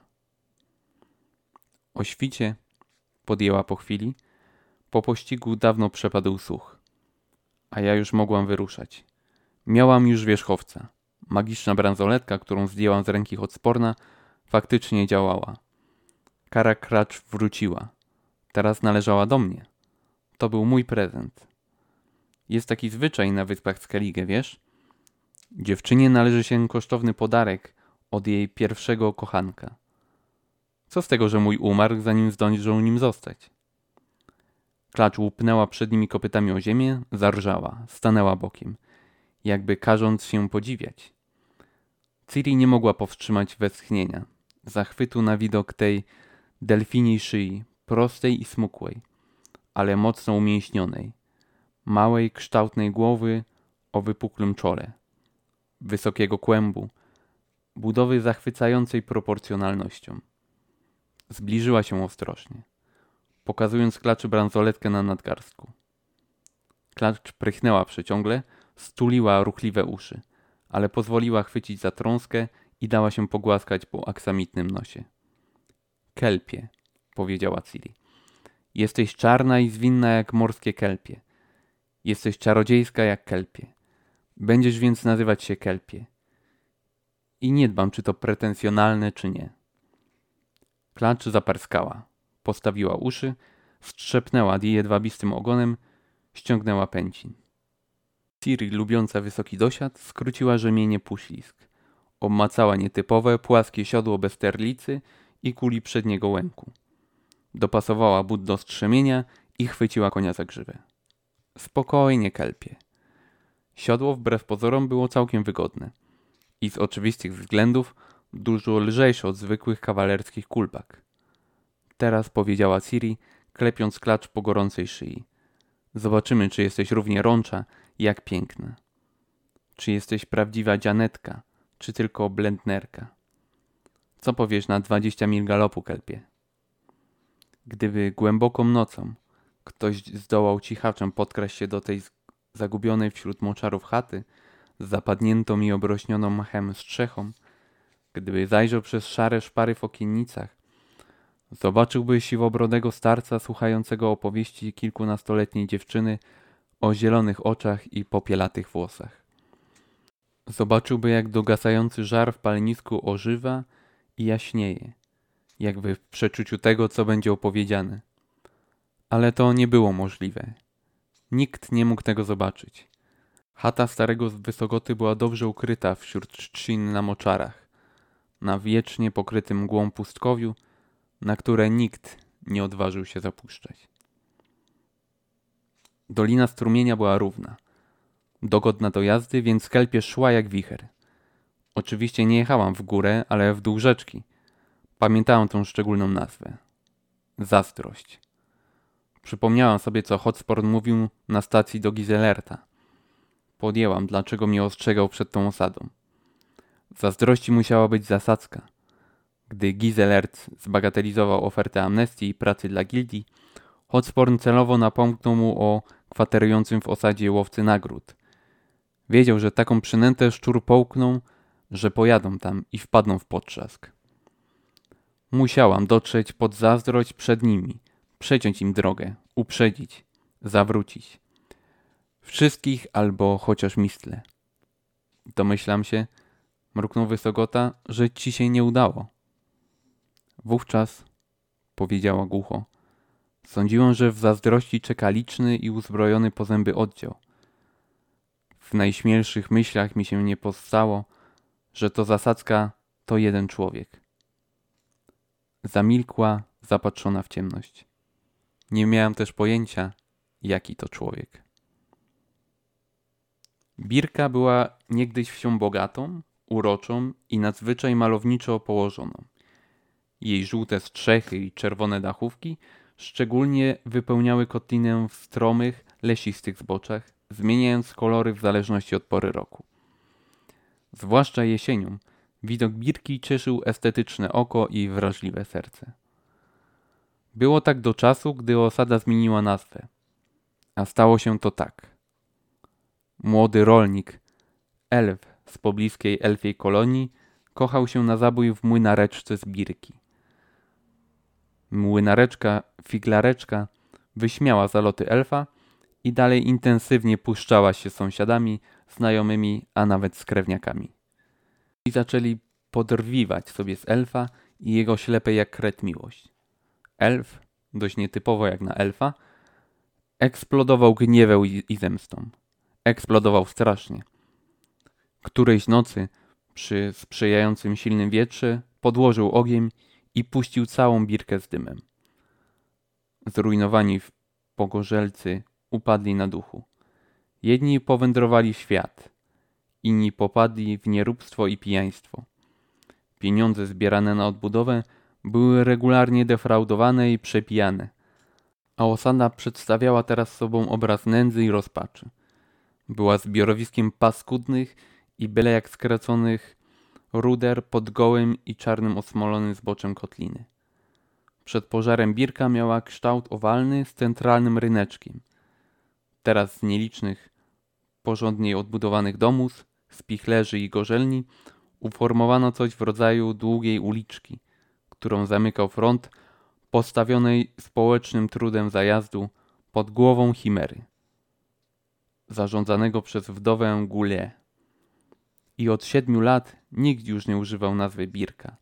Mówiło się ognista zazdrość. Dla skrótu po prostu zazdrość. Uliczką zazdrości jechały szczury. Było chłodno, pochmurno, ponury poranek. Ludzie pierzchali do domów, kryli się w budynkach i lepiankach. Kto miał okiennice, ten zamykał je z trzaskiem. Kto miał drzwi, ten zapierał je kołkiem. Kto jeszcze miał wódkę, pił do, dla kurażu. Szczury jechały z tempa demonstracyjnie wolno. Strzemię przy strzemieniu. Na ich twarzach malowała się obojętna pogarda, ale zmrużone oczy bacznie obserwowały okna, podsienia i węgły. Jeden bełt z kuszy, ostrzegł Gizelert gromko i na zapas. Jedno szczęknięcie cięciwy, a będzie się tu rżnąć. I jeszcze raz puści się tu kura czerwonego, dorzucił dziwnym i wysokim sopranem iskra. Ziemię i wodę się zostawi. Niektórzy z mieszkańców z pewnością mieli kusze, ale nie znalazł się nikt, kto chciałby sprawdzić, czy szczury nie mówiły na wiatr. Szczury posiadały z koni. Dzielące ich od zajazdu pod głową chimery ćwierć stajenia przeszły pieszo, bok w bok, rytmicznie dzwojąc i brzęcząc ostrogami, ozdobami i biżuterią. Ze schodków zajazdu zemknęło na ich widok trzech zazdroszczan, kojących wczorajszego kaca piwem. Żeby tylko jeszcze tu był, mruknął Kejlik. Zmiętrężyliśmy. Nie trzeba było popasać. Trzeba było wpaść tu choćby nocą. Głupiś, wyszczerzyła ząbki iskra. Jeśli chcemy, by o tym bardowie śpiewali, to nie można tego robić nocą i po ciemku. Muszą ludzie widzieć. Ranek jest najlepszy, bo wszyscy trzeźwi. Prawda, Gizelert? Gizelert nie odpowiedział. Podniósł kamień, zamachnął się i łomotnął w nim drzwi oberży. Wyłaź Bonhart. Wyłaź Bonhart, podjęły chórem szczury. Wyłaź Bonhart. Z wnętrza dobiegły kroki. Powolne i ciężkie. Mistle poczuła dreszcz biegnący po karku i ramionach. Bonhart stanął w drzwiach. Szczury odruchowo cofnęły się o krok. Obcasy wysokich butów wparły się w ziemię. Dłonie skoczyły ku rękojeści mieczy. Łowca nagród swój miecz trzymał pod pachą. W ten sposób miał wolne ręce. W jednej trzymał obrane ze skorupki jajko, a w drugiej glonek chleba. Wolno podszedł do barierki, spojrzał na nich z góry z wysoka. Stał na ganku, a sam był wielki. Olbrzymi, choć chudy jak gól. Patrzył na nich, wodził wodnistymi oczyma po wszystkich po kolei. Odgryzł potem najpierw kawałek jajka, potem kawałek kromki. A gdzie falka? Spytał niewyraźnie. Drobinki żółtka spadły mu z wąsów i warg. Pędź, kelpie, pędź! Pędź ile sił! Kara, kara klat zarżała głośno, wyciągnęła szyję w karkołomnym cwale. Żwir gradem bił spod kopyć, choć wydawało się, że kopyta ledwie dotykały ziemi. Bonhart przeciągnął się leniwie, skrzypiąc skórzanym kubrakiem. Powoli naciągnął starannie poprawione łosiowe rękawice. Jakże to tak? wykrzywił się. Chcecie mnie zabić? A za co niby? A za muchomorka, żeby daleko nie szukać, odrzekł Kejlik. I dla zabawy, dodała Iskra. I dla świętego spokoju, dorzucił Ref. A, powiedział wolno Bonhart. To oto się rozchodzi. A ja obiecałem, że wam pokój dam. Poniechacie mnie? Nie ty siwy psie, nie poniechamy. Uśmiechnęła się uroczo Mistle. Znamy cię. Wiemy, że nie darujesz. Że będziesz się wlókł naszym tropem i czekał na okazję, by którejś z nas pchnąć w plecy. Wychodź. Pomału, pomału. Bonhart uśmiechnął się, rozciągając złowrogo usta pod siwym wąsem. Zapląsać zawsze zdążymy. Nie ma się co ekscytować. Najpierw złożę wam propozycję, szczury.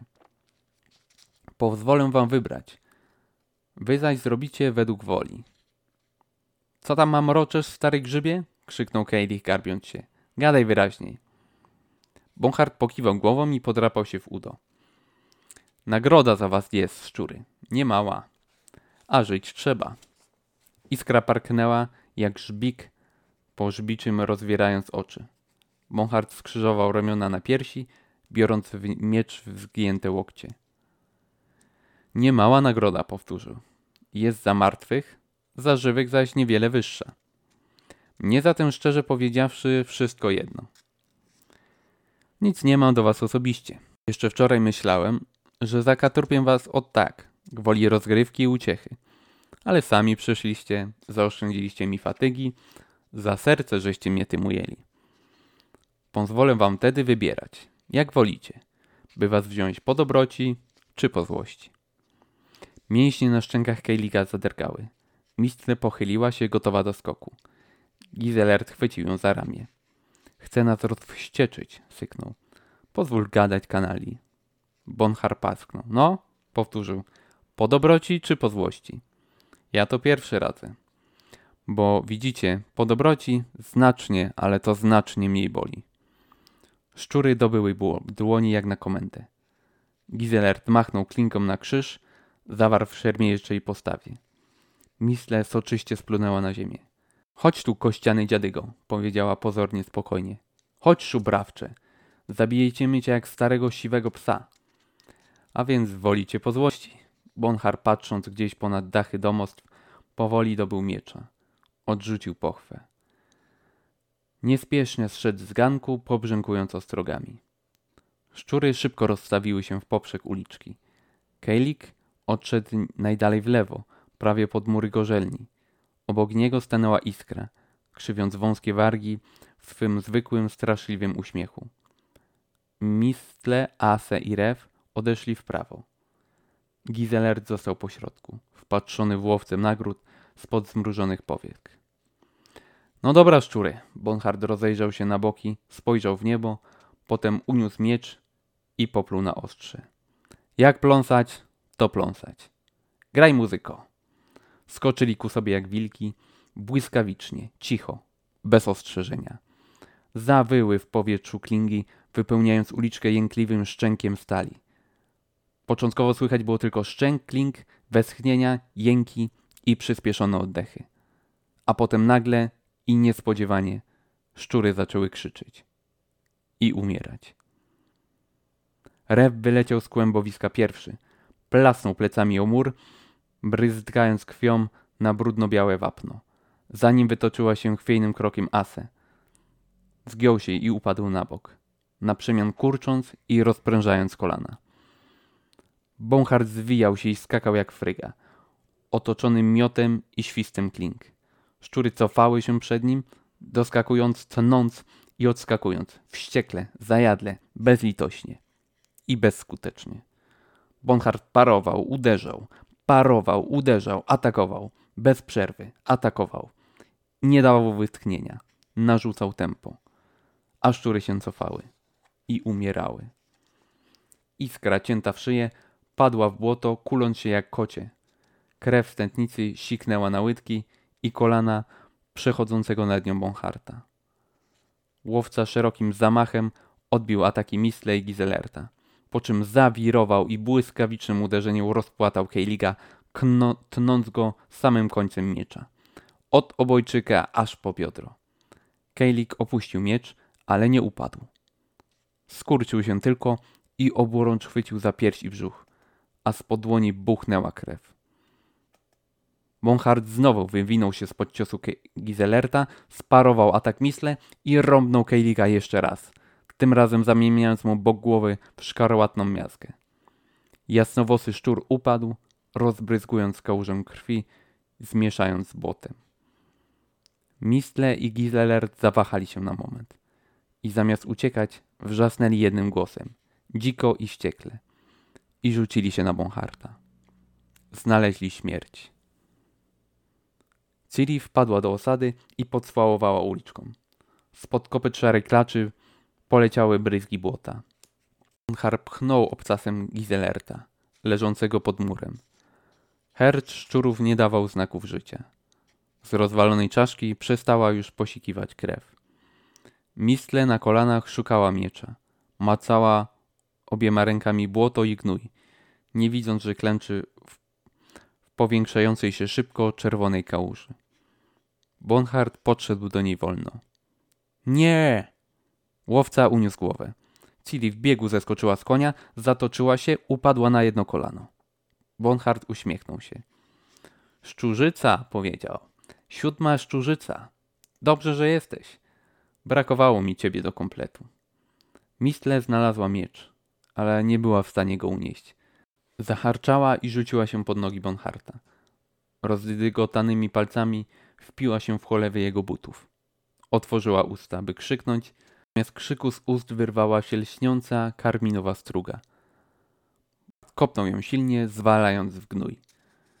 Misle, trzymając się oburącz zarośnięty brzuch, zdołała jedynie podnieść się znowu. Nie! wrzasnęła Ciri. Mistle! Łowca nagród nie zwrócił uwagi na jej wrzask. Nawet nie odwrócił głowy. Zawinął mieczem i uderzył zamaszyście jak kosą, potężnym ciosem, który poderwał Mistle z ziemi i cisnął nią aż pod mur. Miękką jak szmacianą lalką, jak zababrany czerwienią łachman. Krzyk skonał w gardle Ciri. Ręce jej dygotały, gdy sięgnęła po miecz. Derca! powiedziała, dziwiąc się ob obcości swego głosu. Obcość warg, które nagle zrobiły się potwornie suche. Morderca kanalia! Bonhart obserwował ją ciekawie, pokrzywiając lekko głowę. Będziemy umierać? spytał. Ciri szła ku niemu, otaczając ją go półkolem. Miecz w uniesieniu i wyprostowanych rękach poruszał się, mylił, zwodził. Łowca nagród zaśmiał się gromko. Umierać, powtórzył. Szczurzyca chce umierać. Obracał się powoli, stojąc w miejscu, nie dając się zwabić w pułapkę półkola. Ale Ciri było wszystko jedno. Gotowała się z wściekłości i nienawiści. Dygotała z rządzy mordu. Chciała dopaść tego straszliwego starca, poczuć jak klinga wcina się w ciało. Chciała widzieć jego krew, chlustającą z pociętych tętnic w rytmie ostatnich uderzeń serca. No szczurzyco, Bonhar podniósł oburęczny miecz i popluł na ostrze. Zanim zdechniesz, pokaż co w tobie siedzi. Graj muzyko. Naprawdę nie wiada jak to się stało, że nie pozabijali się w tym pierwszym starciu. Opowiadał sześć dni później Nyklar, syn trumniarza. Bardzo chcieli się pozabijać. Dało się to zmiarkować. Ona jego, on ją. Nalecieli na siebie, zwarli ledwo, na mgnieniu oka i poszedł walny szczęk od mieczów. Może po dwa, może po trzy ciosy wymienili. Nie było człowieka, który by zdołał to policzyć, wzrokiem ani uchem. Tak szybko bili panie złoty, że oko ludziska ani ucha tego nie chwyciło. A tańcowali i skakali koło siebie jak dwie łasice. Stefan Skelen, zwany Puszczykiem, słuchał uważnie, bawiąc się na hajką. Odskoczyli od siebie, ciągnął chłopak, a żadne nie było draśnięte. Szczurzyca dało się widzieć, wściekła była jak sam czart, a syczała jak kocur, gdy mu chcieli myszę odebrać. A jegomość pan Bonhart był całkiem spokojny. Falka, powiedział Bonhart, uśmiechnięty i wyszczerzony jak prawdziwy gól. Umiesz zaiste tańczyć i mietem, mieczem obracać. Zaciekawiłaś mnie, dzierlatko. Kim ty jesteś? Powiedz mi, zanim umrzesz. Ciri dyszała. Czuła, jak zaczyna ogarnąć ją przerażenie. Zrozumiała, z kim ma do czynienia. Powiedz, kim jesteś, a daruję ci życie. Mocniej ścisnęła rękojeść miecza. Musiała, musiała przejść przez jego parady, rąbać go, nim się zastawi. Nie mogła pozwolić, by odbijały jej ciosy. Nie mogła przyjmować mieczem jego ubilerzeń. Nie mogła już ani razu zaryzykować bólu i paraliżu, który przeszywał ją i ogarniał przy paradach łokieć i przedramię. Nie mogła tracić energii na bierne wymykanie się spod jego cięć, chybiących ją ledwo o grubość włosu. Wywinąć zastawę pomyślała. Zaraz, w tym starciu. Albo umrzeć. Umrzesz, szczurzyco, powiedział, idąc ku niej z wyciągniętym daleko do przodu mieczem. Nie boisz się? To dlatego, że nie wiesz, jak wygląda śmierć. Ken Morhen, pomyślała, skacząc. Lambert, grzebień, salto. Zrobiła trzy kroki i pół piruet, a gdy zaatakował lekceważącą flintą, wywinęła salto w dół. Padła w zwinnym przyklęk i natychmiast runęła na niego, nurkując pod jego klingę i wykręcając przegub do cięć. Do straszliwego ciosu, popartego mocnym skrętem bioder. Nagle ogarnęła ją euforia. Już prawie czuła, jak ostrze wgryzało się w ciało. Zamiast tego było twarde, jękliwe zderzenie metalu z metalem. I nagle błyśnięcie w oczach. Wstrząs i ból. Poczuła, że pada. Poczuła, że upadła. Sparował i odwrócił, pomyślała. Umieram, pomyślała. Bonhart kopnął ją w brzuch. Drugim kopniakiem, precyzyjnie i boleśnie wymierzonym w łokieć, wytrącił jej miecz. Ciri chwyciła się za głowę, czuła tępy ból, ale pod palcami nie było rany i krwi. Dostałam pięścią, pomyślała ze zgrozą. Zwyczajnie dostałam pięścią, albo głowicą miecza. Nie zabił mnie. Sprał jak smarkule. Otworzyła oczy. Łowca stanął nad nią, straszny, chudy jak kość, kościotrup, górejący nad nią jak chore i bezlitosne drzewo. Śmierdział potem i krwią. Chwycił ją za włosy na karku, uniósł przemocą i zmusił do powstania. Ale zaraz potem szarpnął, wytrącając ziemię spod nóg. I powlókł, wrzeszczącą jak potępieniec, ku leżącej pod murem mistle. Nie boisz się śmierci, co? To popatrz sobie, szczurzyco. To jest śmierć. Tak się umiera. Popatrz. To są flaki, to krew, a to gówno. To człowiek ma w środku. Ciri wyprężyła się, zgięła, uczepiła jego ręki, zaharczała w suchych wymiotach. Mistle żyła jeszcze, ale oczy miała zamglone, zeszklone, rybie. Jej dłoń, jak jastrzębi szpon, zawierała się i rozwierała. Zaryła w błocie i nawozie. Ciri poczuła ostry, przenikliwy odór uryny. Bonhard zarechotał. Tak się umiera, szczurzyco. We własnych szczynach. Puścił jej włosy. Ciri osunęła się na czworaki. Miotana suchym, urywe, urywanym szlochem. Mistle była już obok. Dłoń Mistle. Wąska, delikatna, miękka, mądra dłoń Mistle. Nie poruszyła się już. Nie zabił mnie. Przywiązał do koniowłozu za obie ręce. Wysokota siedział nieruchomo. Od dłuższej chwili tak siedział. Wstrzymał nawet oddech. Kontynuowała, kontynuowała opowieść, a jej głos robił się coraz bardziej głuchy, coraz bardziej nienaturalny i coraz bardziej nieprzyjemny. Rozkazał tym, co się zbiegli, by mu przynieśli worek soli i antałek octu i piłę. Nie wiedziałam. Nie mogłam zrozumieć, co zamierza. Jeszcze wtedy nie wiedziałam, do czego jest zdolny. Ja byłam przywiązana do koniowiązu. Zawołał jakiś pachołków, rozkazał im, im, by trzymali mnie za włosy i za powieki. Pokazał im jak, tak żebym nie mogła odwrócić głowy ani zamknąć oczu, bym musiała patrzeć na to, co robił. Trzeba zadbać, by towar się nie zepsuł, powiedział, by nie uległ rozkładowi. Głos Ciri załamał się. Sucho uwiązł w gardle. Wysogota, wiedząc nagle co usłyszy, poczuł, jak ślina wzbiera mu w ustach jak fala powodzi. Oderżnął im głowy, powiedziała. Piłą. Gizelert, Kejlik, Ase, Ref, Iskra i Mistle. Odrzynał im głowy, po kolei, na moich oczach. Gdyby tej nocy ktoś zdołał podkraść się do zagubionej wśród moczarów chaty z zapadniętą i obrośnioną mchem strzechą, gdyby zajrzał przez szpary w okiennicach, zobaczyłby w skąpo oświetlonym wnętrzu siwobrodego starca w kożuchu i popielatowłosą dziewczynę z twarzą zeszpaconą przez bliznę na policzku. Zobaczyłby, jak dziewczyna trzęsie się od płaczu, jak dławi się szlochem w ramionach starca, a ten próbuje ją uspokoić. Niezgrabnie i machinalnie głaszcząc i poklepując dygocząco od spazmów ramiona. Ale to nie było możliwe. Nikt nie mógł tego zobaczyć. Chata była dobrze ukryta, wśród trzcin na mokradłach, na wiecznie pokrytym mgłą pustkowiu, na które nikt nie odważył się zapuszczać.